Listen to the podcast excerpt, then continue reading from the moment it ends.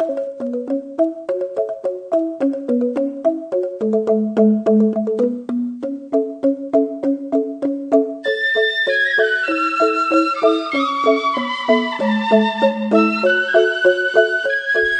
pagi sahabat Fresh Juice di mana pun Anda berada. Kita berjumpa kembali dalam Fresh Juice hari ini Edisi Kamis 27 Desember 2018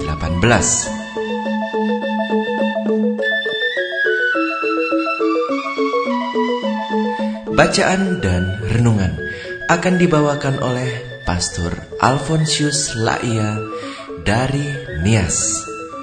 Selamat mendengarkan.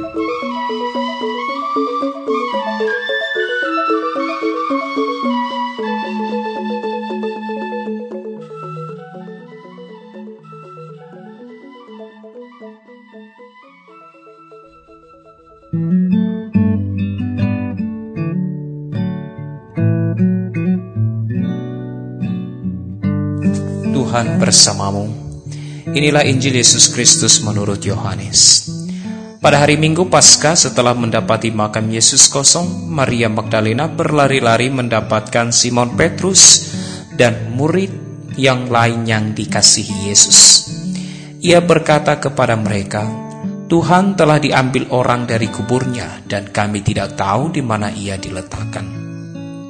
Maka berangkatlah Petrus dan murid yang lain itu ke kubur. Keduanya berlari bersama-sama, tetapi murid yang lain itu berlari lebih cepat daripada Petrus, sehingga ia lebih dahulu sampai di kubur. Ia menjenguk ke dalam dan melihat kain kapan terletak di tanah, tetapi ia tidak masuk ke dalam. Maka tibalah Simon menyusul dia dan masuk ke dalam kubur itu.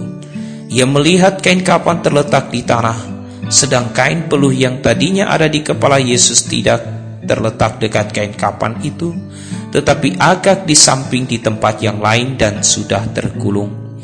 Maka masuklah juga murid yang lain yang lebih dahulu sampai di kubur itu. Ia melihatnya dan percaya. Demikianlah Injil Tuhan.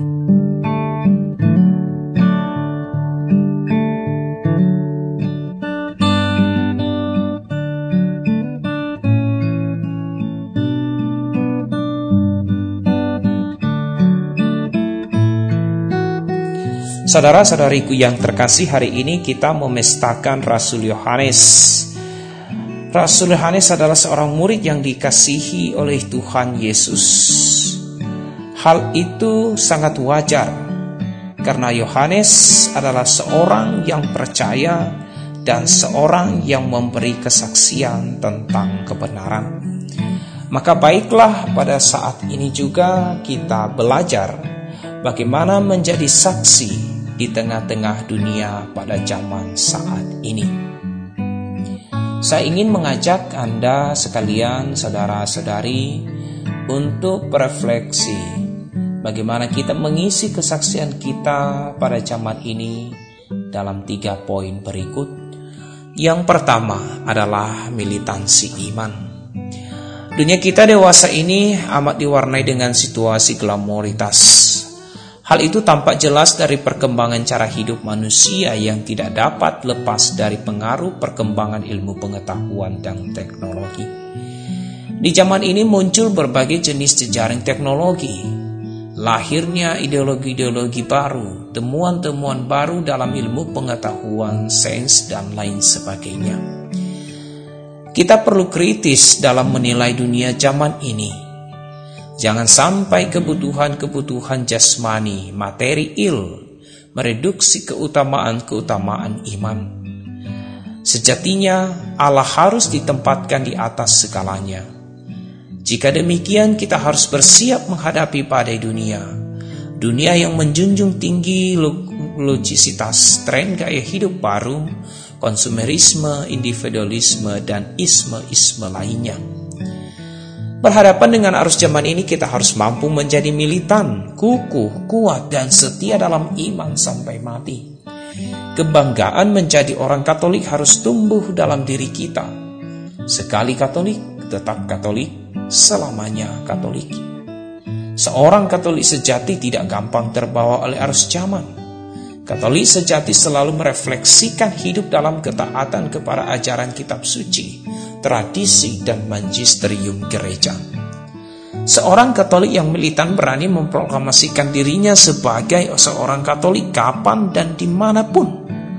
Orang Katolik sejati menjunjung tinggi keadilan, martabat, dan hak-hak asasi manusia, menegakkan dan menciptakan kerukunan dalam gereja dan masyarakat global. Kedua, kita diajak untuk siap sedia menjadi laskar kebenaran. Negeri kita adalah negeri di mana jiwa kebenaran sedang terengah-engah, hampir mati. Yang benar dipersalahkan, yang salah dibenarkan. Di tengah dunia seperti ini kita diutus bersaksi tentang kebenaran. Tugas ini merupakan mandat dari Kristus setiap kita diutus untuk membaharui muka bumi dengan kasih ilahi, menaburi cinta di dalam hati setiap manusia, agar tegaklah kerajaan Allah, kerajaan damai, keadilan, dan cinta kasih. Namun kita sadar bahwa persatuan kita dengan Allah lewat baptisan tidak serta-merta menjadikan kita mampu melaksanakan tugas ini. Kita ini adalah milik Allah maka kita harus memohon kepada Allah rahmat kekuatan dalam mengemban tugas yang berat ini. Dengan demikian, Allah sumber kebenaran sejati akan menempatkan dalam hati kita benih-benih kebenaran untuk diwartakan dan dipersaksikan. Setiap kebenaran membuka jalan bagi perdamaian pada tataran manusiawi dan membawa keselamatan pada tingkat ilahi. Ketiga, bertahan di tengah badai kehidupan. Berbagai pengalaman kehidupan, baik penderitaan maupun kegagalan-kegagalan tidak jarang membuat kita berputus asa. Cobaan-cobaan dalam hidup ini hanyalah satu cara agar kita kuat dan sadar bahwa ada Dia di atas segalanya yang mampu mengatasi setiap derita dan air mata kita. Jangan takut, sebab dia menyertai kita hingga akhir zaman. Apa pun salibmu, apa pun deritamu, kan selalu ada surya ceria setelah hujan mereda. Mungkin kamu terantuk, bahkan tercatuh, tetapi Tuhan selalu siap menjawab keluh kesahmu. Sebab ia tahu semua luka hatimu dan memahami segala ketakutanmu.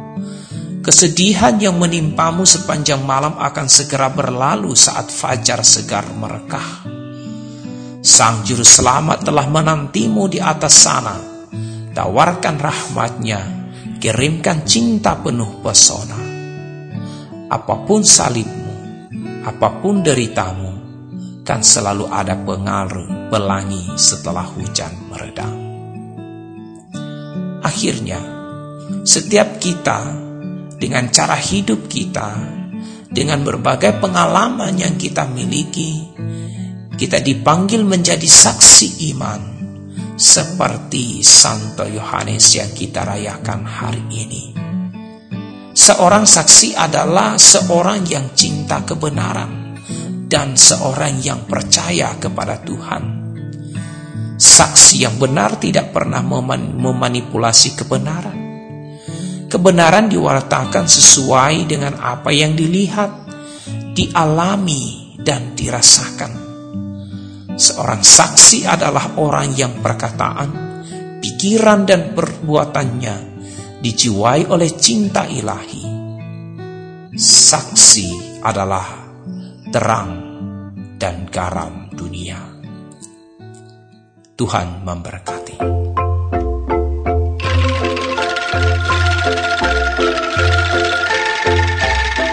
Sahabat Fresh Juice, kita baru saja mendengarkan Fresh Juice Kamis 27 Desember 2018. Saya Yofi Setiawan beserta segenap tim Fresh Juice mengucapkan terima kasih kepada Pastor Alfonsius Laia untuk renungannya pada hari ini.